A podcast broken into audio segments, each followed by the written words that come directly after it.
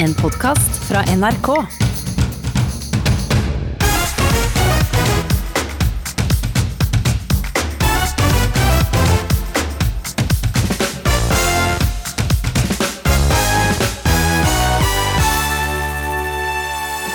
Det er to dager til landets barnehager åpner. Her i Ukeslutt møter du en mor og en datter, som begge har barn i barnehage.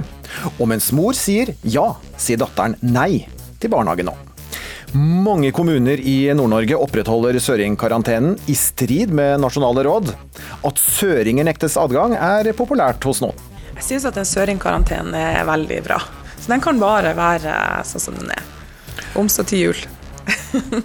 Og en 60-årsjubilant i butikkhyllene vekker reaksjoner blant samer som mener det er på høy tid å bytte ut både navn og design på joikakakene. Velkommen til ukeslutt her i NRK P1 og P2. Jeg heter Vidar Sem, og vi får eh, besøk av skuespiller Kristoffer Hivju, en av de første som sto frem som koronasyk. Nå er han frisk. Men hva gjør en skuespiller når det meste i hans bransje er satt på vent? Selv om eh, kommuneoverlegen i Tromsø denne uken slo fast at eh, søringekarantenen ikke har hatt eh, noen beviselig effekt, så fortsetter mange kommuner i Nord-Norge å stenge folk fra Sør-Norge ute. Redaktøren i Nordlys, Skjalg Fjellheim, mener debatten om de lokale karantenebestemmelsene er så drøy at neppe kommer noen fra sør. Jeg vet ikke hvor mange som har fulgt debatten om denne søringkarantenen, som sitter ja, hva skal vi si, Lillestrøm eller eh, Hønefoss eller Oslos indre bydeler og får så veldig lyst til å pakke flyttelasset og, og, og, kjøre til Nord-Norge. Jeg vet ikke om de, de føler seg så veldig velkommen. Politisk redaktør i Nordlys, Skjalg Fjellheim, synes debatten om de lokale karantenereglene, den såkalte søringkarantena, har vært full av absurde argumenter. Heksebrenninger på 1600-tallet, med annen verdenskrig, med Alta-kampen. Så det har vært symbolbruk og, og billedbruk her som jeg mener sannsynligvis ikke har har bidratt til å styrke Nord-Norges standing og posisjon eh, nasjonalt, snarere tvert imot. Når Fjellheim skriver at det er klokt av Tromsø og andre kommuner å droppe søringkarantena fordi den ikke har hatt noen beviselig effekt, får han så hatten passer på Facebook. Hvor Skjalg Fjellheim kommer fra, vet ikke jeg, men han er ikke noen Nord-Norges mann. Jeg tror mannen har et identitetsproblem. Skriver en av dem. En annen forklarer hvorfor ordskiftet blir så krast. Det aggressive nordnorske toneleiet er uttrykk for et gjenreist folk. Et folk som ikke lenger lar seg hunse av makta fra sør. Hva mener nordlendingene med hunsing fra sør, egentlig? Nå må vi være lojale. Mener de dette? Vi kan ikke få tiltak i motstrid til de nasjonale retningslinjene. NHO-sjef Ole Erik Almli fikk ved månedsskiftet nok av vrange kommuner og trua med å oppløse lokale karantener med makt. Og Hvis vi opplever at dette ikke funker nå, så kommer vi til å til, be regjeringen gå til Stortinget og bruke koronaloven. Men det er ikke nyere eksempler som brukes i den nordnorske debatten. I et leserinnlegg fra 9. april skriver tre leger i Finnmark at statens forsøk på å oppheve søringkarantena minner om heksebrenningen på 1500- og 1600-tallet, tvangsevakueringen av Finnmark under andre verdenskrig og vassdragsutbyggingen i Alta og Kautokeino. Et flott innlegg. Jeg er stolt over det. Over 7000 delinger. Tidligere SV-politiker, nå kommuneoverlege i Loppa i Finnmark, Olav Gunnar Ballo, syns det må være lov å dra på litt. Iallfall når sentrale myndigheter vil fjerne søringkarantena. Vi kunne ha skrevet på den ene side, men på den annen side, og under forbehold om. Men nettopp fordi man bruker eksempler som folk skjønner betydninga av, i hvert fall i Nord-Norge, eh, så blir på en måte også innholdet forstått. Så det reduserer ikke lidelsene til de som faktisk ble brent som heks, eller som eh, var med på andre verdenskrig? Nei, det syns jeg overhodet ikke. Og vet du hva, av dem som har lest artikkelen, og som på en måte tar essensen i den, så er det ingen som oppfatter det sånn. Men det er jo lang tradisjon for uh, søringhat i Nord-Norge. Nei, vet du, det er det ikke. Jeg må si, jeg satt tolv år på Stortinget, og jeg har stortrivdes. Og husk nå på at den karantenen Jeg har en datter datter på 13 år i Oslo, som jeg gjerne skulle ha behandla. Så er det noe jeg ikke ønsker, så er det at folk som kommer sørfra skal føle at, de, at, vi har en avstand til dem. Det har vi ikke. Det er jo en måte å beskytte befolkninga, den eldste, mest utsatte, for alvorlig smitte, og ingenting annet enn det. Ballos kommune Loppa viderefører Søring-karantena. Det gjør de fleste kommunene i tidligere Finnmark fylke, inkludert Alta. Hva, hva slags tiltak må vi fremdeles uh, holde på? Ja, det er å holde avstand. Jeg syns at en Søring-karantene er veldig bra. Så den kan bare være sånn som den er. Om så til jul. Sverre Kjelsbergs låt om søringene fra 1982 er igjen aktuell. Hvorfor diskriminerer vi søringene? Kan dem noe for at de kommer ifra sør? Kan dem for at de ikke er helt sånn som oss? At de snakker og gjør som de gjør? Hei sann. Var det sånne som Vinke Lanke fra Montebello Kjelsberg hadde i tankene? Og Jaguar har virkelig tatt seg sammen, og denne gang bygget et fabelaktig stort bagasjerom som har plass til to komplette golfbager, og da kan man altså kjøre av gårde uten å ha bagasjelokket åpent bak. Det er iallfall en avgrunn mellom Vinke Lanke og nordlendingenes favoritt Oluf. Kan du sitte og fundere på, Lars, du ser så tankefull ut i kveld? Ja, det, det er nå det her kryssordet. Å ja, du sitter med det enda. Siden jul. Nei, jeg tror man må alltid være litt sur på stormakta. Det er sånn man eh, holder hjulene i gang, og det er sånn man får saker frem, og det er sånn man får sagt ifra. Standup-komiker Trine Lise Olsen heier på søringkarantena, og mener søringer ikke har noe de skulle sagt. Og de vet ikke hvordan det er å bo oppe i Finnmark. Så eh, inntil du har mokka frem hytta di eller bilen din så, og stått i, eh, stått i kø over Sennalandet og ja, må kjøre 400 mil for å føde, så kan du egentlig bare holde kjeft. I Tromsø og flere kommuner rundt slutta de å diskriminere søringer denne uka.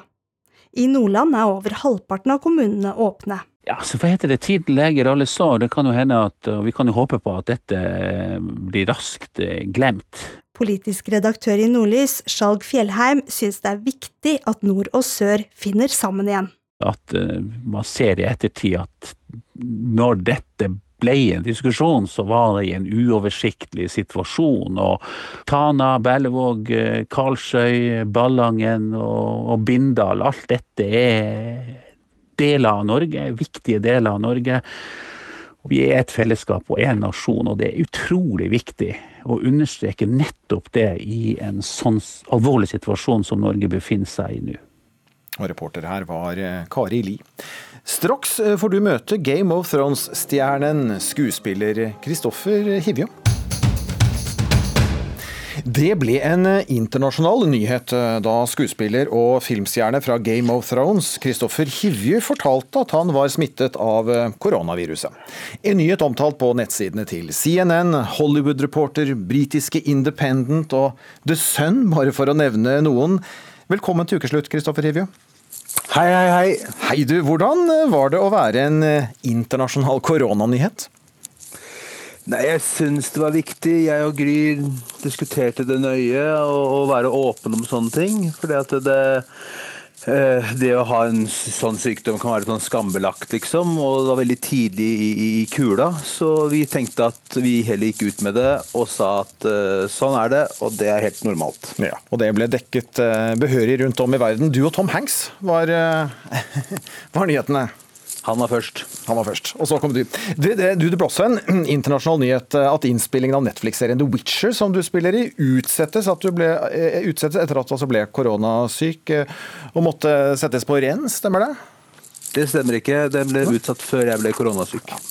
Så det er nyheter som, som du så, så kan dementere, da. Det, det, var i hvert fall saker rundt dette her, Kristoffer Hivju. Um, du og din familie kom hjem til et Norge uh, nærmest i kaos ja, rundt 12. mars, og så bar det rett i karantene og isolasjon da covid-19 ble uh, påvist. Um, også din kone Gry Molvær Hivju, mangeårig medarbeider her i NRK og kjent fra Schrødingers katt, ble koronasmittet. Velkommen til deg også, Gry.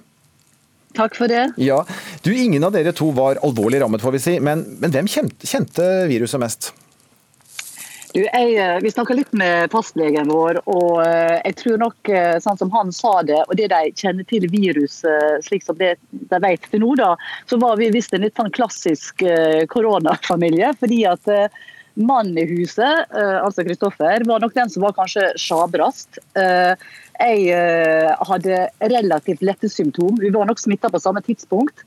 Men jeg kunne nok komme på å, hvis ikke jeg visste bedre, så kunne jeg nok komme på å tatt en Paracet og gått på jobb. altså. Sånn, litt sånn halvsjaber. Mens barna våre hadde absolutt ingen symptom. og ikke forkjølt, ingen verdens ting, ikke feber.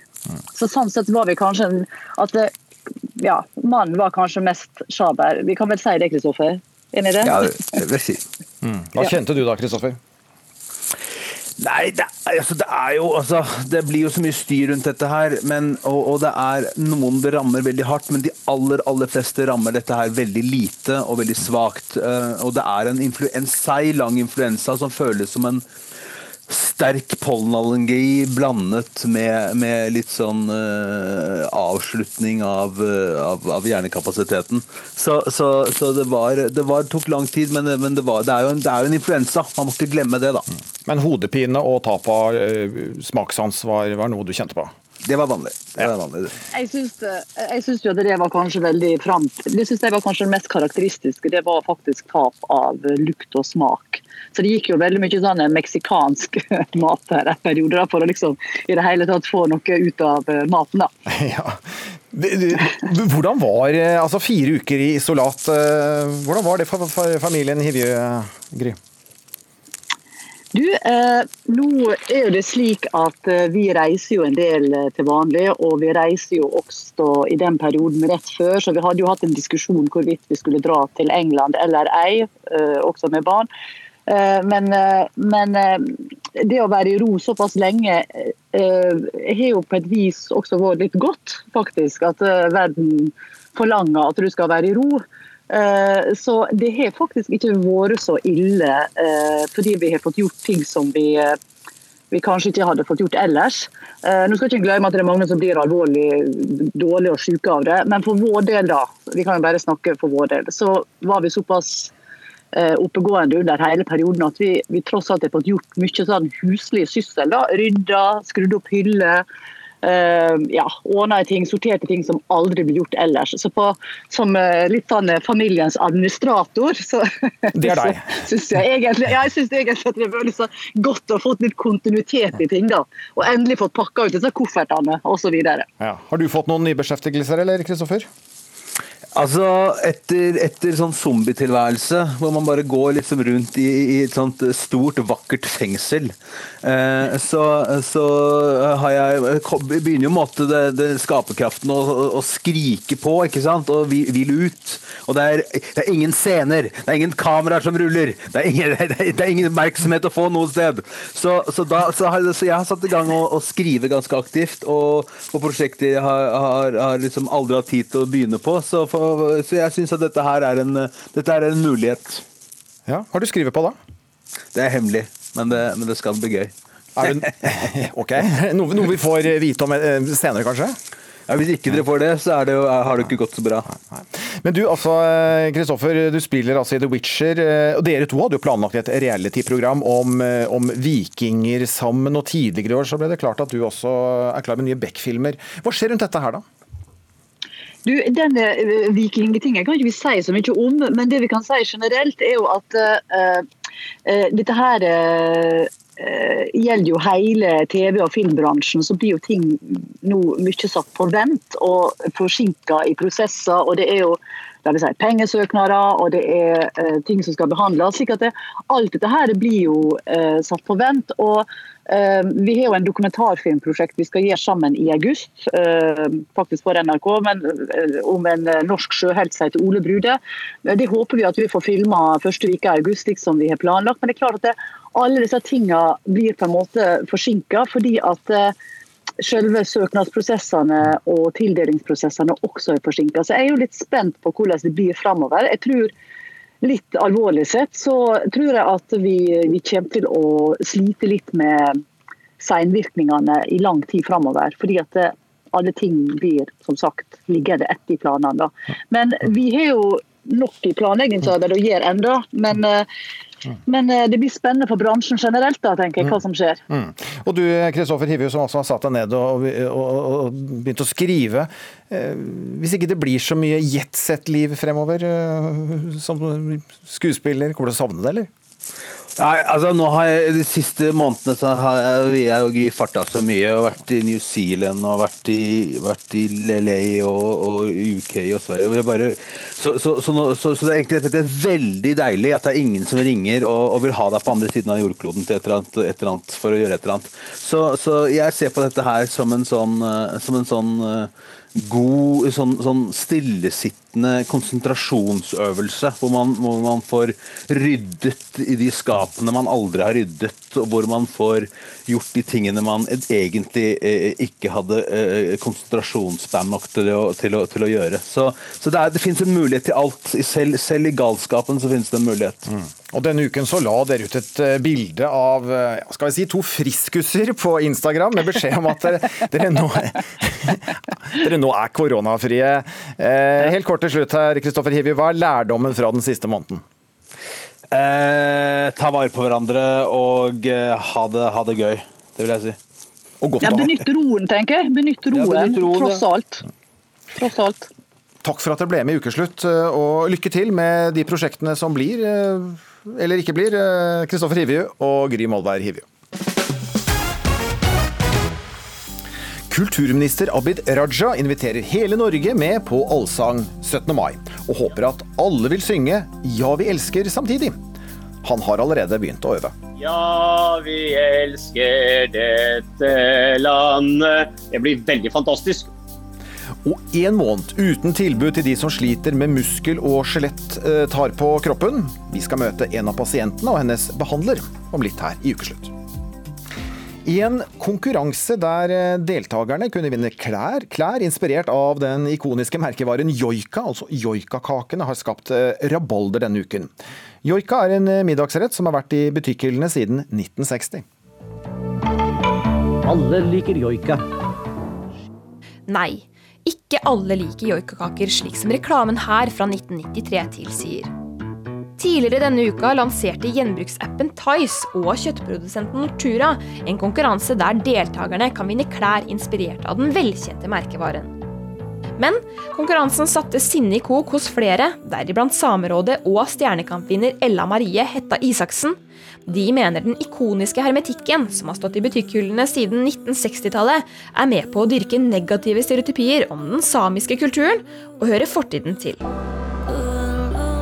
Den samiske artisten reagerer særlig på at joikakakene har fått endret emballasje, men at det diskriminerende designet fortsatt er å finne på pakken. Alle liker joika. Skikkelig middag. Også så lettvint. Ja, Reporter her, det var Mia Becker. Kristina Hetta, du er leder i kulturavdelingen i Samerådet. Hvorfor reagerte du på denne konkurransen som ble lansert denne uken? Nei, eh, altså joikabollene er jo egentlig noe som, eh, som har irritert oss eh, over lang tid. Så jeg syns vi har vært veldig tålmodige. og Eh, og egentlig eh, denne kampanjen samarbeid med eh, ga en god eh, anledning nå til å, til å si fra om, om, noe vi syns eh, bør endres på. Mm. Og Noe dere har eh, altså, irritert dere over. Etter altså, negative kommentarer så har altså Tice valgt å fjerne mm, dette joikabildet på Instagram. Martine Haugen Petersen, du er kommunikasjonsrådgiver i Nortura og altså har samarbeidet da, med Tice om dette her. Ja, Forstår du kritikken her fra Kristina Hetta? Eh, først vil jeg bare si at eh, vi selvfølgelig syns det er veldig leit eh, å høre at Kristina og, og, andre opplever produktet vårt på den måten. Samtidig så kom disse reaksjonene egentlig litt overraskende på, for vi har hatt eh, de siste to månedene en eh, stor reklamekampanje i forbindelse med at vi endret til en mer klimasvart eh, emballasje på joikakakene. Eh, og så har vi ikke fått eh, lignende reaksjoner på de andre markedsaktivitetene vi har gjort. Eh, så dette vi gjorde med Tice var helt i slutten av en lengre kampanje. Mm. Altså, Vi har hatt altså joikakaker i butikkhyllene i, i 60 år. og Kristine Hetta, eh, hvorfor skal det endres eh, nettopp nå? Vel, det er jo veldig mange ting fra 60-tallet som, som, vi har eh, forlatt eh, tilbake til 60-tallet, rett og slett fordi at de ikke hører hjemme i, i eh, det samfunnet som vi er opptatt av å skape, et likestilt samfunn med med gode holdninger, spesielt eh, i forhold til eh, barn og unge. Eh, og Vi så jo også når den Tice-kampanjen kom på Instagram, så var det de unge samiske som sa ifra. Mm. Den ble litt mer synliggjort, dette med, med, med joikakaker. Jeg må bare spørre, altså, Hva er det mest problematiske? Altså, det heter joikakaker, eh, og navnet henspiller altså på, på, på joik. Også, eh, eller er det designet? Det er altså bildet av en, ja, en samegutt, eh, eller er det kombinasjonen her? Det er jo kombinasjonen, selvfølgelig. Joikakakene ble jo til ved at, at han som i sin tid skapte joikakakene, kom til Kautokeino, min hjembygd på 60-tallet, hvor han levde noen måneder og, eh, og ble gode venner med samene der. Eh, uh, og det her leser jeg på, på joikabollene sine hjemmesider. Og reiste tilbake til sør og, uh, og oppfinner da joikabollene med reinkjøtt, som på den tida var veldig uh, billig. Selve karikaturen av samen på boksen er jo veldig typisk for 60-tallet også navnet. Vi føler jo veldig at de holdningene som man hadde til samene da, eh, gjenspeiles fortsatt i dag eh, eh, gjennom eh, joikaboller. Mm. Og, eh.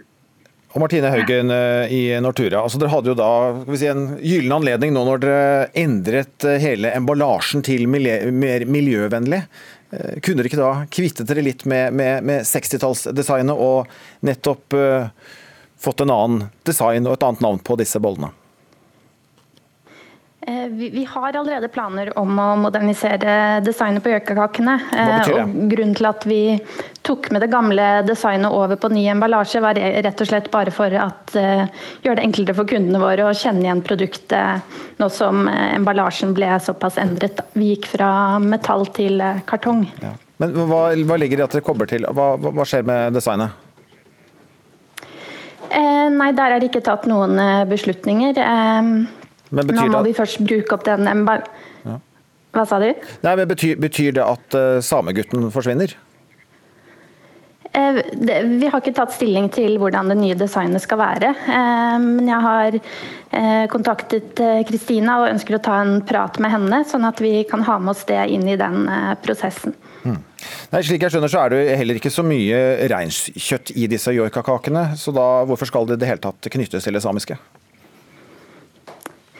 Uh, nei, da produktet ble laget uh, for 60 år siden, så han som lagde det, som Kristina fortalte om, han lot seg inspirere etter å ha bodd uh, sammen med samer. Og, så, det er sånn produktet har blitt. Og vi kaller det ikke reinsdyrkaker. Så det er kjøttkaker som inneholder både reinsdyr, storfe og fårekjøtt. Mm. Det fortelles jo at uh, disse joikakakene her ble, ble, til over en, en god middag. og um, at opphavsmannen ikke kunne andre samiske ord enn joik. Ja, Hva med å endre kakene her og nå, da, over en god samtale? Hva tenker du Kristina Hetta, hva bør det hete? Nei, eh, jeg tenker her har vi jo flere muligheter. Og, eh, og spesielt i, i, samarbeid med det samiske folket, så er jeg sikker på at vi eh, kommer til å komme frem til løsninger som kommer til å selge enda mer eh, kjøttboller av reinsdyrkjøtt. Vi er selvfølgelig veldig positive til Eh, at reinkjøttkjøtt eh, brukes. Ja, kan ikke du komme med et tips til navn, da? Ja, kanskje, noe, kanskje et samisk navn, f.eks. Hva da? ja, det var en artig utfordring på sparken. Det skal jeg tenke litt på. det tar det ikke jeg på sparket. Nei, uh, du, klarer du å ta på sparket noe dere kunne tenkt at uh, dette kan komme til å hete videre, da, Martine Haugen Pettersen i Nortura? Ja, Eh, du, det, det, har, det er ikke noe vi har vurdert tidligere, så um, jeg må nesten melde pass på den. Ja. Eh, så har jeg, har jeg, nok heller ikke myndighet til å bestemme en eh, navneendring her og nå. Skjønner det. Nei, ingen tar oppfordringen sånn på, på, strak arm. Vi får bare avvente da og se om 60-årsjubilanten joika forblir joika, eller om disse middagskakene med tid og stunder endrer navn og design. Takk for at dere ble med i Ukeslutt, Kristina Hetta i Samerådet og Martine Haugen Petersen, kommunikasjonsrådgiver i Nortura. Godt over 100 000 nordmenn går til behandling for smerter og lidelser i muskler og skjelett hver måned. Men da Norge stengte ned som følge av koronapandemien, så lukket også landets fysioterapeuter, kiropraktorer og andre behandlere kontorene. Og pasientene måtte klare seg selv. Ingrid Nikolic, velkommen til ukeslutt. Tusen takk. Du har gått til fysikalsk behandling etter et ankelbrudd for noen år siden, og det førte til problemer med hofte og skulder. Hvordan har eh, den siste måneden uten behandling vært for deg? Svært stillesittende. Med hjemmekontor og ikke mulighet til å få behandling. Og det har du kjent på kroppen? Det har jeg kjent på kroppen. Hva var det første du tenkte da det ble klart at eh, Norge stenger ned og fysioterapitilbudet du benytter av, blir borte? Jeg må være ærlig og si at jeg tenkte å nei! Da får jeg ikke den regelmessige timen jeg har hos fysioterapeuten min, som jo holder min kropp ved like, og som gjør at jeg er flink og trener og gjør de riktige tingene. Mm. Litt egoistisk.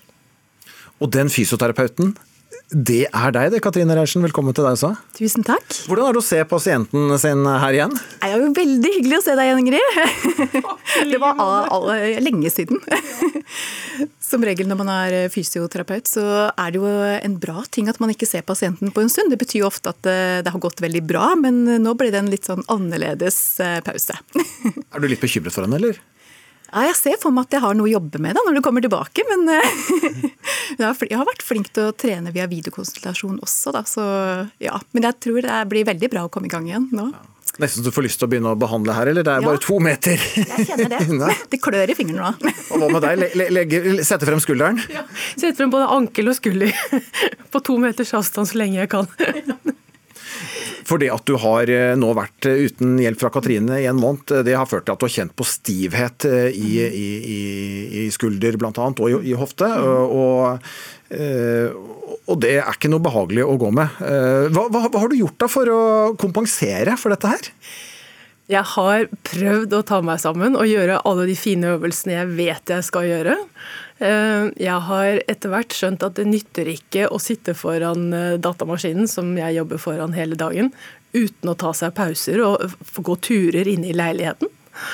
Så jeg driver med innegymnastikk og små pauser, og så tenker jeg hardt på hva Katrine pleier å si. Prøve å huske det. Mm. Og så har dere hatt litt kommunikasjon, for du, du har vært på, Katrine? Jeg, eh, på et tidspunkt så sa jeg du Katrine, jeg ser de trener på video, kan ikke du og jeg trene på video også? og da ble det videoinstruksjon? Da ble det videoinstruksjon. Eh, vi fikk jo muligheten etter hvert til å ha videokonsultasjon. Så jeg for min del har jo blitt mye bedre sånn på digitale plattformer enn det jeg var. Så sånn sett så har det vært en læringsprosess. Det som er ja, vi fikk jo i gang det etter hvert. Det som jeg ser er utfordringen ved videokonsultasjon, er jo det at vanligvis så kan jeg gå inn og korrigere. Når man har smerter, så Eh, så kommer man ofte inn i litt uheldige bevegelsesmønstre. Eh, og som fysioterapeut jobber jo veldig mye med å korrigere de mønstrene og få et optimalt bevegelsesmønster. Og når man ikke har den muligheten til å se og observere skikkelig, så kjenner jeg at det har vært utfordrende. Men eh, det har samtidig vært veldig fint å sitte og jobbe og være aktiv og kunne jobbe med trening. Men ikke, ja, men ikke, det samme som å kunne faktisk eh, manipulere eller eh, sette nåler eller massere eller hva det nå enn er. Nei, det, det er jo ikke det samme. Uh, på ingen måte. Så, så, jeg gleder meg jo til den dagen det skal være lov å, å få komme til en vanlig konsultasjon. Men, men, jeg er veldig enig i at det var en stor hjelp. Og, og det ville ikke ha vært det samme uten bilde og lyd, hvor vi kunne uh, korrigere hverandre, da. Så En eh, slags nødløsning, da, får Ja, vi si, ja. i, i, koronaens tid. Eh, Men hvis ikke, i verste fall, hvis ikke du, du, du kommer deg til behandling, nå er jo lys i tunnelen, men, men skulle, det, skulle du ikke komme til behandling mer, hva, hva kan i hvert fall skje med, med din, din skulder og hofte da? Nei, Da tenker jeg at ting blir stadig stivere og stivere, og det er jo ikke noe bra situasjon. Og da tenker jeg, Uten at jeg er medisinsk kompetent, så vil jeg tenke at da blir det nye slitasjeskader som, som kunne vært unngått. Mye av det Katrine og jeg jobber med, er jo forebyggende for at det ikke skal bli eh, problemer. Og for at det som startet med ankel, et ankelbrudd, skal eh, ha minst mulig konsekvenser. Jeg har jo ambisjoner om å være frisk og rask og leve et langt liv. Og da trenger du den behandlingen som eh, Katrine her, eh, her gir deg. Eh, Du er jo slettes ikke alene i denne situasjonen vi er i. Jeg kontaktet både Norsk Fysioterapiforbund og Norsk Kiropraktorforening. De forteller at det er en stor pågang av pasienter, også og til og med folk som gråter på telefon, da over smerter og ubehag de nå ikke får eh, behandlet. Eh, Og Katrine Reiersen, hva slags påtrykk har du merket fra dine pasienter? Jo, eh, det har vært eh, mang en telefon og mail eh, fra sjeler der hjemme som sitter og sliter med, med både smerter og dårlig nattesøvn. Så jeg tror det har vært mange som har hatt spesielle utfordringer med kroppen, og spesielt i forhold til hjemmekontor. Da, situasjonen hvor man ofte ikke har Man har dårlig tilrettelagt arbeidsplass. Man sitter kanskje ved kjøkkenbordet, spisestuebordet, ja, til og med med lap laptop i eh, fanget i sofaen. Eh, Og det gjør at man. Det er, det er ikke bra. Så det gjør at man, man ofte blir sittende litt sånn eh, krumbøy, da. Noe som er lite heldig for både nakke, skuldre og rygg. Så ved siden av at man har problemer i, i forkant, så, så blir det kanskje ikke bedre med, med, med, med hjemmekontor. Da må man jo være kreativ. Jeg skjønte du hadde fått deg eh, ordnet ny stol, eh, Ingrid? Ja, jeg, når jeg skjønte hvilken vei det bar, så var jeg raskt en tur på Ikea og kjøpte en ny stol. Eh, Jeg har også organisert meg med stor skjerm. Jeg er heldig som har en arbeidsgiver som gir de ansatte mulighet for det, så ikke ikke vi blir hengende foran laptopen. Og jeg er også heldig sånn at jeg kan ha et bord i riktig høyde. Jeg har jo lært veldig mye gjennom timene med Katrine om hvordan det skal gjøres. Og nå er det altså lys i tunnelen. Eh, Til uken så Ja, tommel opp eh, kommer du med her. Eh, Du har fått time. Jeg har fått time. Jeg gleder meg. Veldig glad for det. Ja. Nå skal skulder og hofte få godgjort seg litt. På mandag så åpner du kontoret ditt igjen, Katrine Reiersen. Eh, Hvordan blir den nye hverdagen som fysioterapeut? Blir det med munnbind og hansker, eller? En bransjestandard fra Helsedirektoratet er jo på gang, men ikke helt klar ennå før mandagsmorgen. Eh, Jeg ser for meg at det ikke foreløpig ikke blir munnbind, det, har, det står det ikke noe om ennå. Men eh, det blir jo en litt eh, ny hverdag med, med mm, litt avstand muligens, der det er ja, eh, mulig i forhold til trening. Men ellers så blir det god avstand mellom pasientene ute på venterommet. eh, Og der tenker jeg hver klinikk må utarbeide gode retningslinjer. Du må kunne hjelpes Ingrids eh, skulder og hofte her med fysisk berøring. Det er det jeg må. Så jeg håper jo at det blir mulig å være nær pasienten. For det tenker jeg er viktig både for oss og kiropraktorer. Så kanskje vi kan gjøre det ved å ha på munnbind der vi trenger å jobbe spesielt nær ansiktet. Og Hvordan blir det for deg, Ingrid, å komme som pasient i den nye eh, hverdagen? Jeg, jeg tenker at uh, her dreier det seg mye om å ha tillit til sin fysioterapeut eller behandler, og ha en god dialog og en åpen dialog om respektives helsesituasjon. Og, og det har jeg til Katrine, så det, det tenker jeg er uproblematisk. Det eneste jeg kanskje er litt nysgjerrig på, det vil være hvordan det blir på venteværelset og køen, for der kjenner jeg jo ikke alle. Så det, det tenker jeg blir litt spennende. Og kanskje bra med god avstand. Ja, kanskje kø? Køordning? Der kan jeg skyte inn at Vi har allerede nå på klinikken ordnet et køsystem der vi ringer faktisk pasientene. Rett før de skal komme inn, så går de bare inn. Så de venter utenfor i kø med god avstand. Og så ringer vi bare pasienten når de er klare for å komme inn. Så den har vi klar. Lykke til neste uke, da, både til behandler eh, Katrine Reiersen, fysioterapeut. Eh, Du må ta godt vare på skulder, hofte og ben til Ingrid Nikolic. Takk for at du også kom til Ukeslutt. Etter mange uker med ja, unntakstilstand eh, tar vi på mandag eh, det første steget mot å åpne samfunnet igjen etter at eh, koronapandemien satte Norge på vent eh, for en drøy måned siden.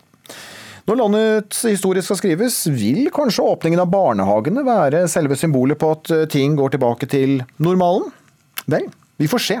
Flere foreldre har eh, i hvert fall vært skeptiske til åpningen, mens andre mener det er på tide.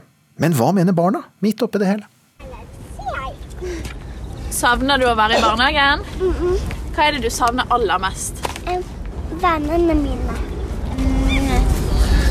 Og leke. Hva da leker du? Mm, litt forskjellig. Jeg gleder meg til å møte venner. Er noen du gleder deg til å se igjen? Ja, en heter um, Gustav heter en, og Sami heter en. Hva har du gjort på hjemme, da? Vi hoppa på trampolinen. Og støpt salto. Og så ingen andre ting. Vi har spist iskrem hjemme.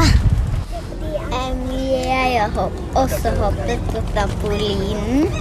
Jeg har tatt salto i luften. Og så, og så husker jeg ikke. Blir det kjekt å begynne igjen i barnehagen? Ja. Ja, der fra et av barna som reporter i Bergen Lea Lidal hadde møtt. Om litt her i ukeslutt så får du møte en mor og hennes datter.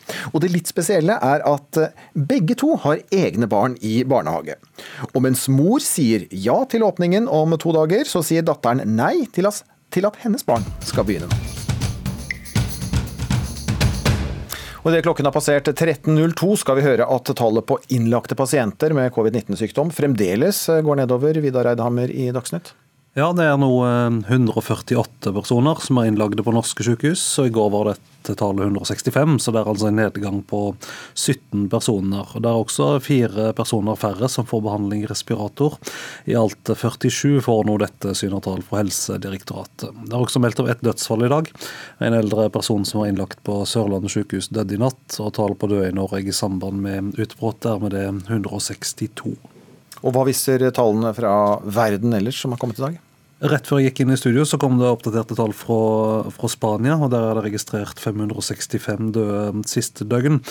Og I Spania har det da passert den uh, triste milepælen at det er 20 000 som har mista livet der. 20 043 for å være helt nøyaktig. Også um, Iran har passert et rundt tall. 5000 døde der nå, samtidig som at det er 80 000 smitta. Belgia er det landet som har flest døde per 1 million innbyggere. og Der har det dødd 290 personer siste døgn og til sammen over 5400. I Belgia, altså.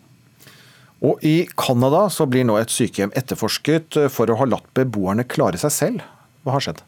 Denne gamleheimen eh, ligger i en forstad til Montreal, og der ble det plutselig oppdaga at eh, alle beboerne på det nærmeste var overlatende til seg sjølve. Det var to ansatte til 130 beboere. Mange av de gamle var helt utsulta og tilgrisende når de ble funnet, og somme av de var alt døde. Helsestyresmaktene sier at minst fem beboere har dødd som en direkte følge av koronaviruset på denne gamleheimen. Det har vært over 30 dødsfall der etter at skandalen ble oppdaga, men obduksjonsrapportene for alle er ikke klare klare ennå. Det står mer om denne saka på nrk.no. Det var nyhetsoppdateringen, det. Takk, Vidar Eidam. Om to dager starter åpningen av landets barnehager. Endelig, tenker noen. Andre er usikre. Vi har fått med oss Conny Gran og Selina Romano. Velkommen til ukeslutt. Tusen takk. Dere er altså mor og datter. Conny Gran, du er eh, mamma. Jeg er mamma, vet du. Ja, Og Selina, du er, du er datteren til Conny? Ja. Ja. Og mamma. Og mamma! For, ja, for sammen Altså, begge har også barn i barnehage. Ja. Du, Conny, har en Jeg har en datter som er fem, så hun går i barnehagen siste år i barnehagen. Ja. Og Selina? Ja, jeg har en datter som er Hun blir tre i juni, da. Mm. Og når barnehagen åpner til uken, øh, så er det uten din datter, øh, Selina, for du holder henne hjemme. Ja, litt til i hvert fall. Hvorfor det? Eh, nei, det har jo vært en veldig rar eh, tid i det siste. Og eh, jeg synes det er vanskelig å egentlig ta stilling til det nå, eh, fordi hun har hatt en litt trøblete start i barnehage fra hun begynte eh, for eh, ja, ett og et halvt år siden. Hun har slitt med eh, tilvenningen og ja, funnet helt sin plass. Da. Og nå har barnehagen vært stengt en god stund og skal åpnes igjen.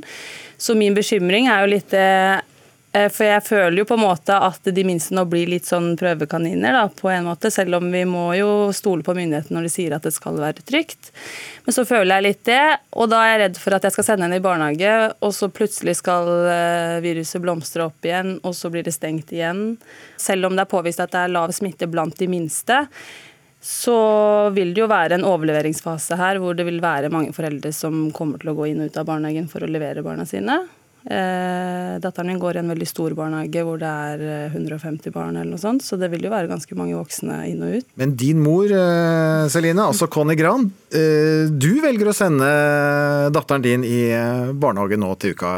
Hvorfor det?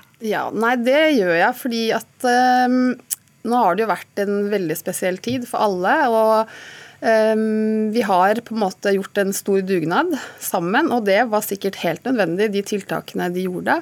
Men når de nå på en måte åpner opp igjen, så må vi også stole på at eh, det går bra. da.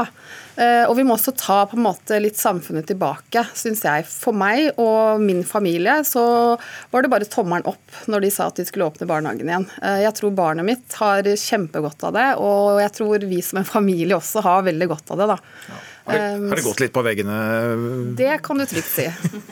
Vi har, det har det gått eh, Ja, det har blitt mye, mye sånn kjemping i hverdagen med både store og små. Um, Jeg har også en sønn som er i skolealder, så det er hjemmeskole og hjemmejobbing og ja. Så det er krevende. Uh, Men jeg tenker at vi må, vi må kunne stole på det når myndighetene nå åpner barnehagene. Så må vi stole på at det er trygt for barna våre.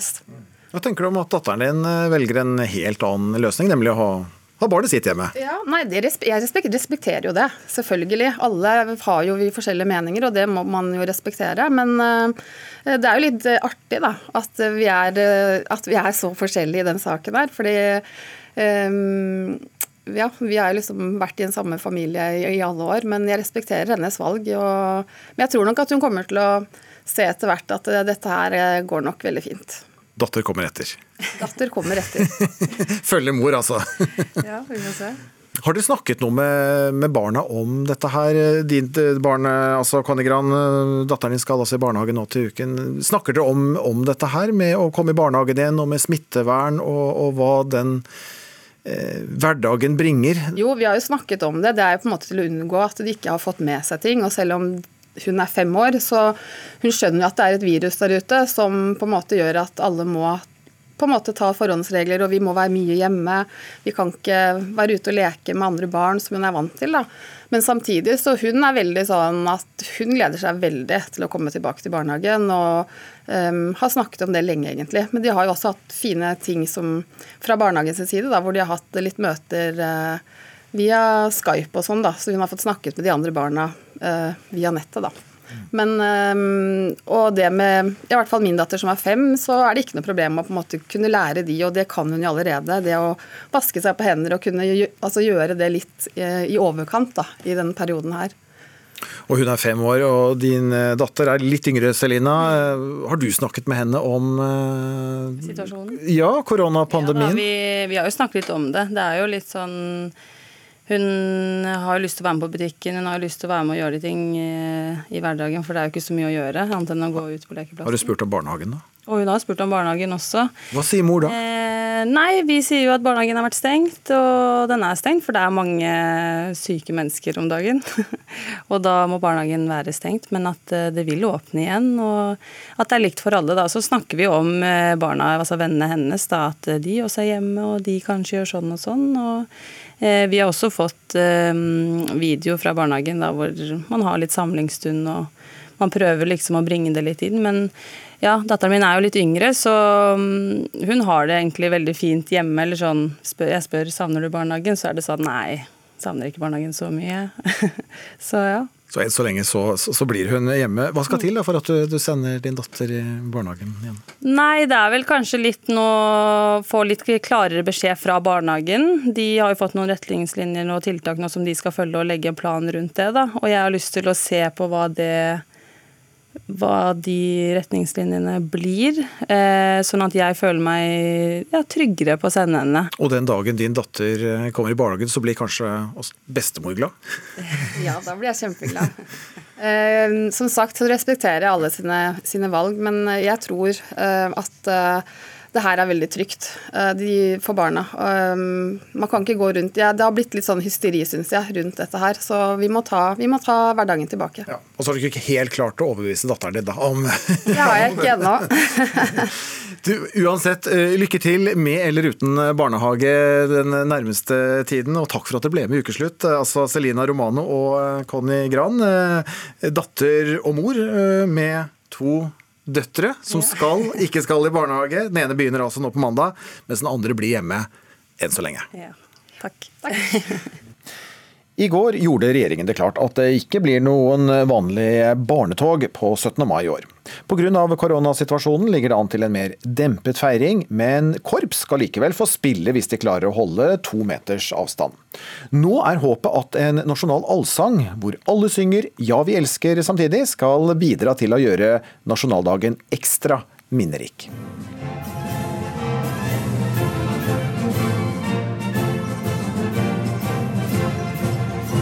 Ja, det er tusenvis av mennesker i Oslo også som nyter det flotte været. Vi er virkelig heldige i dag.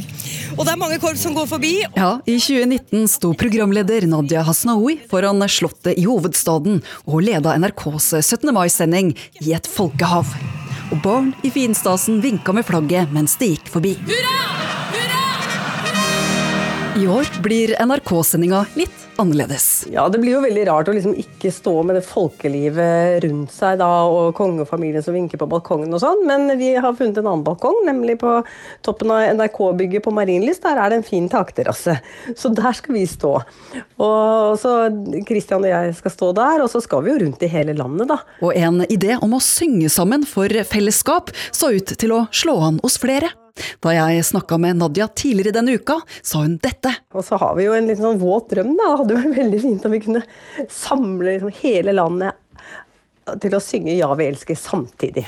Vet ikke helt hvordan vi skal få det til, men det hadde jo vært veldig gøy. Også Oslo-ordfører Marianne Borgen trakk frem en variant i Nyhetsmorgen. Stryker bunadsskjortene og pynter seg og står på verandaene, eh, synger 'Vi er i en nasjon, vi med'. Og det danske folket hylla også denne uka sin dronning Margrethe med sang fra hver sin plass. Og i går inviterte altså kultur- og likestillingsminister Abid Raja hele Norge med på allsang for å synge Ja, vi elsker på 17. mai. Gå ut på balkongene, gå ut i, eh, i hagene våre, ut på gata, to meters avstand. Og sammen synge 'Ja, vi elsker' på samme tidspunkt. Du, Hvis du liksom lukker øynene, hvordan ser du det for deg? Hvordan høres det ut? Ja, Det høres helt nydelig ut. Det er 'Ja, vi elsker dette landet' Det blir veldig fantastisk. Og enda finere blir det selvfølgelig når det norske solistkoret kommer til å gjøre dette for oss og være forsangere. Det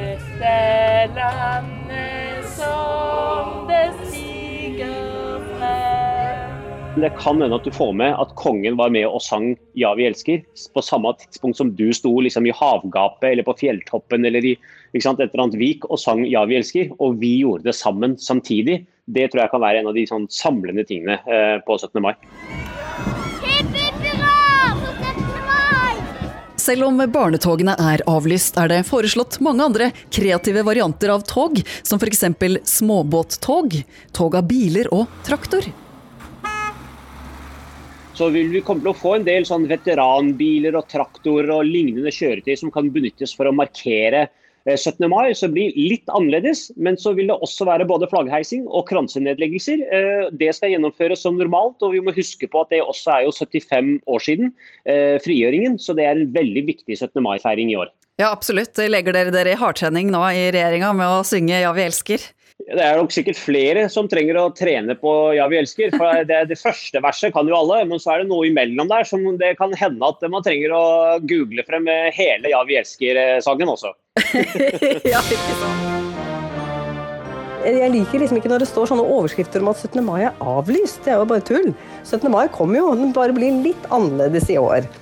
Så nei, vi skal være mer til stede og samle landet mer enn noen gang. Og skulle savnet etter gode gamle 17. mai-tog og store folkemengder bli for stort, ja da kan du jo gjøre som meg og søke opp noen av de tidligere NRK-sendingene på nett i spilleren NRK TV. Gratulerer med dagen! Ja, Det var eh, reporter Line Forsmo her. Og det er altså etter eh, salutter klokken 13 på nasjonaldagen at vi alle skal trå til med allsang og Ja, vi elsker. Bjørn i Barcelona og prærieulver i San Francisco. Mens folk er stengt inne i verdens storbyer, tar ville dyr over folketomme gater. Hvilke utfordringer byr det på, spør vi zoolog Petter Bøckmann. Og for den som er underernært av hudkontakt, anbefaler seksualforsker Bente Treen en myk pensel til hudberøring. En ufarlig og smittefri nytelse. Mer om det straks her i Ukeslutt. Det er eh, vår, sola varmer og hormonene strømmer i kroppen. Eh, ja, For noen så byr våren på en etterlengtet flørt eller en forelskelse, og kanskje noe mer. Men vi lever nå med en pandemi hengende over oss, og alle fremmede er potensielle smittebærere og kan utgjøre en trussel. Og så har vi fått klare råd om å holde oss fra hverandre. Ja, så Hvordan dyrke seksuallivet i koronaens tid? Bente Treen, velkommen til ukeslutt. Takk skal du ha. Du er professor i helsepsykologi ved Universitetet i Oslo og seksualforsker. Én ting er jo mm. de som allerede er par, men det er nok mange single der ute som vår eller ei kunne tenke seg eh, noe, mm, å treffe noen mer enn bare på nett. Er det bare å smøre seg med tålmodighet? Ja, det er nok det. Eh, det er jo mye hyggelig man kan gjøre når man treffer noen på nett også, for å ha sagt det. Så det behøver jo ikke stoppe helt opp, men det må bli på en annen måte enn det vi har vært vant til. Og det er jo litt sånn tråkig akkurat eh, på den tida her, fordi vi har så mange forestillinger om at forelskelse og kjærlighet hører sammen med vår og sommer. Mm. Våryrheten. Ja, den er jo reell. Vi produserer jo mer testosteron i kroppen vår når eh, vi får mer lys på oss, sol og sånn. Så, så, litt sånn kribling i kroppen vil nok de aller fleste kjenne uansett, korona eller ikke. Mm. Må kanskje bli med, med kriblingen uh, enn så lenge. Du sammenligner koronapandemien med hiv-aids-epidemien på 80-tallet. Hva er likheten her? Ja, det er en del likheter. fordi at eh, sånn som det var før medisinene kom og vi fikk bukt med, med aids, eh, så, eh, så, var vi veldig redde på 80-tallet. Vi var redde for at, hvordan vi kunne smittes. Og, og foreldre var engstelige for å la ungene sine gå i svømmebassenget, og de var engstelige for å dra på telttur fordi man kunne smitte seg av mygg og masse sånn. Og i en sånn situasjon, når man står overfor noe som potensielt er dødelig, så vil de aller fleste gripes av frykt, og ikke minst så gripes vi av frykt for alt vi ikke vet sikkert om smitter. Og det er en stor parallell med, med aids-epidemien vi er oppe i nå. Kan vi leve over lang tid i frykt for hverandre? Ja da, det kan vi. Altså, tenk på det. Det er jo mange folk som har yrker eh, hvor man faktisk lever ganske mye i isolasjon. Jeg har jo tenkt på hvordan Lars Monsen har det f.eks. Eh, han har i hvert fall ikke tatt sin død av å være noen måneder alene eh, på en eller annen vidde. Man klarer seg. Eh, du, Vi har med her i studio eh, Petter Bøckmann, zoolog ved Naturhistorisk museum. Eh, ja, Hva er sterkest, frykten eller kjønnsdriften? Det kommer litt an på, og det er jo helt riktig som hun sier her, at eh, vi kan leve sånn lenge. Tenk deg soldater under krig f.eks. Alle som er 200 meter unna den andre skyttergraven er livsfarlige. Men vi har jo noen andre eksempler òg. Vi har f.eks. fra svartedauden, hvor du har også vært redd for alle fremmede. Hvor folk har isolert seg i små grupper. Dekameronen, denne dampende seksuelle middelhavsskriften ble nettopp skrevet under en sånn, eh, en sånn epidemihistorie hvor man satt sperra inne og ikke hadde noe annet å gjøre enn å fortelle hverandre røverhistorier. Men eh, tenk litt eh, på de unge her, da. altså Russetiden den skulle jo startet eh, denne helgen her for, for mange. Eh, og i ja, russepakken så ligger det vel et ønske om både flørting, forelskelse og for noen en eh, ja, seksuell utfoldelse. Og I dag så hørte vi på nyhetene og flere nettaviser skriver om politiet som måtte stoppe russens treff i, i natt. Eh, det, det er veldig typisk. Det De har lyst! Ja, selvfølgelig. Og det er, jo, det er jo ungdommen som har disse hormonene brusende verst i blodet. Det er det her det virkelig slår til. Det å være ungdom er jo strengt talt å være en slags sjimpanse. Det er så mye hormoner at du blir helt matt. Og det er klart, Jeg skjønner det veldig veldig godt. Selvfølgelig har du lyst til å dra ut, møte jevnaldrende, hygge seg, gjøre alle de tingene der. De kommer til å ha en opplevelse eh, som vi ikke har hatt. Det er litt som, er litt som si, folk som har opplevd krigen sier ja, under krigen så var det voksne generasjon, oppvoksende generasjoner ja, under epidemien så var det å, å henvise en opplevelse som du og jeg mangler. Ja. Men på samme tid så er det jo litt morsomt det der med, med russetida, fordi det skal skje nå, ved slutten av videregående. Men hvis vi liksom kan tenke oss ett år fram i tid, så vil hormonene fortsatt bruse ganske så bra, men da oppfører vi oss ikke sånn. Og Det er jo det at det er skapt en forventning om, en forestilling om, at eh, det er en timeout-situasjon, denne russetida, hvor ting som vanligvis ikke er lov, plutselig er lov. Ja, og det er jo noe med at du har på deg russedrakt, sånn at du kan i bunn gjøre hva du vil, for det er ingen som kjenner deg igjen etterpå, liksom.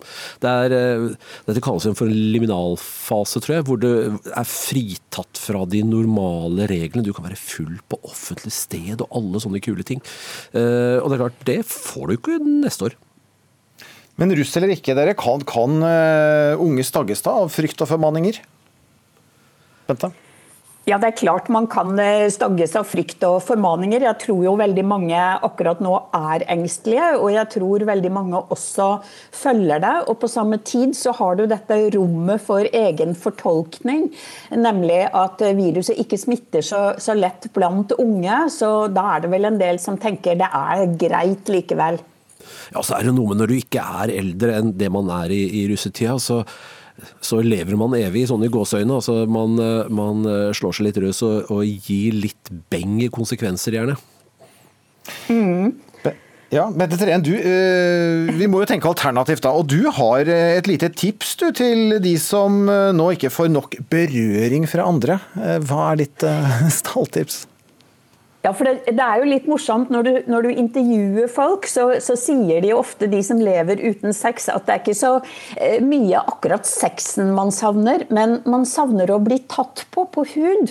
Eh, og en eh, nevroforsker hos eh, oss, hun eh, fortalte i et foredrag jeg hørte på en gang, at hvis du skal få kroppen din til å produsere hormonet oksytocin, som jo er kjærlighetshormonet, så kan du like like gjerne ta en malepensel, en myk malepensel, og stryke deg opp og ned langs armen. og Da vil kroppen din også begynne å produsere oksytocin. og Dette har jeg prøvd selv også, så jeg vet at det funker.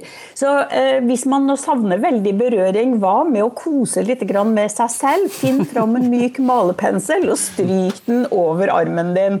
I penslenes tid. Ja, Du har nå nettopp redda, redda omsetningen til en rekke sånne kunstforretninger, hører jeg. Eh, jeg, bare, ja, jeg håper det. Ja, jeg vil bare føye til at Hvis du til og med klarer å få noen til å psyke deg i nakken med den, så har du i hvert fall skutt innertier. Eh, det er vel der vi er mest følsomme for akkurat det, stemmer ikke det?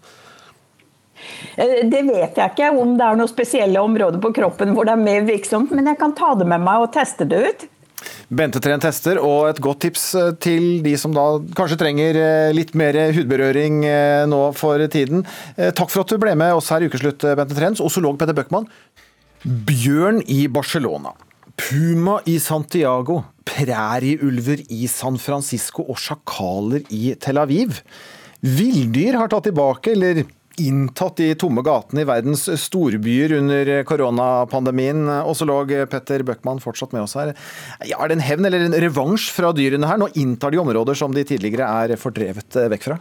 Ja, det, Dette er jo det som skjer når mennesker er borte. Når folk er borte, danser dyra på bordet. Uh, og i utgangspunktet så er jo dette områdene til dyrene. Vi har gjerne lagt eh, tettstedene våre der hvor eh, jorda er best og forholdene er best. og De ligger gjerne i en sørhelling og ned mot kysten og sånn. Og Det er jo der det gror best. og Det er klart, det er der dyrene i utgangspunktet skulle holdt til. Og så har vi bygd byer der, og så kan ikke byene bo der. Fordi mennesker er skrekkelig farlige. Mm. Og så er de forsvunnet. Og så drar menneskene og setter seg inn og ser på Netflix, og da kommer dyra tilbake. Ja. Eh, det er kanskje ikke veldig mange som har kommet, men, men et og annet individ, og kanskje noen flere her og der. Men hva er det mest spektakulære spektakulære av disse eksemplene for deg? Jeg tror nok bjørn i Barcelona er den som eh, drar på mest. Og så har det vært delfiner i kanalen i Venezia. Det har man ikke sett på hvor mange hundre år. Det er mulig at de har vært der, men vannet er så utrolig grumsete til vanlig at du ser dem ikke. Så det har gjort underverker for en del ting. Altså Plutselig har naturen fått en pustepause nå mens folk har vært inne, som den ikke har hatt på, på aldri så lenge.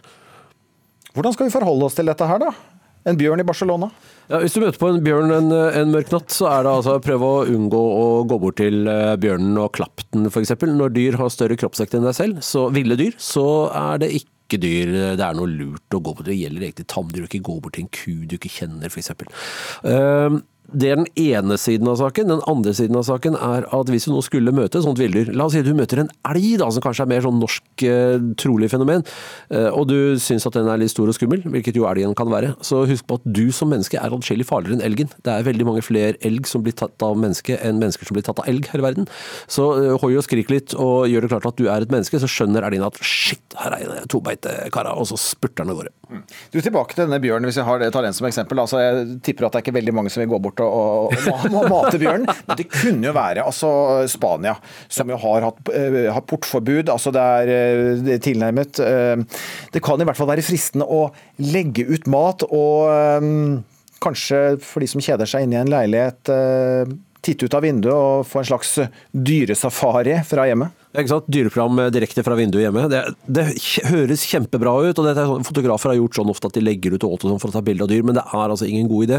Fordi disse dyra bør jo da ikke bli boende i byene. På et eller annet tidspunkt så slutter jo denne koronakrisa, så kommer folk ut igjen. og hvis dyrene da har vent seg til at lukta av mennesker er lik lukta av mat, så har du satt verden i en situasjon hvor møtet mellom store ville dyr og mennesker blir et vanligere fenomen. Og stort sett så går det greit, fordi disse dyra er så livredd mennesker, og fordi det ikke er noe å hente for dem inne i byen.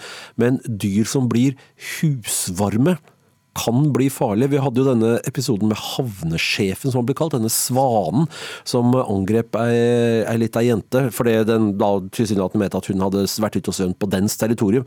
Og lita sånn barnehagejente, og holdt jo på å drukne henne, rett og slett. Og det, Vanligvis er jo ikke en svane akkurat en farlig fugl, men det er bare at når du er ute i vann, og du er liten, og svanen er ute i vann, hvor den er i sitt rette element, og du ikke er det, så kan sånt være farlig. Og det viser at det er litt viktig at de ville dyra er ville. Grunnen til at vi har det helt greit i Norge med elg og med ulv, som vi jo faktisk har fått en del sånne ting, det er at disse dyra faktisk er ville.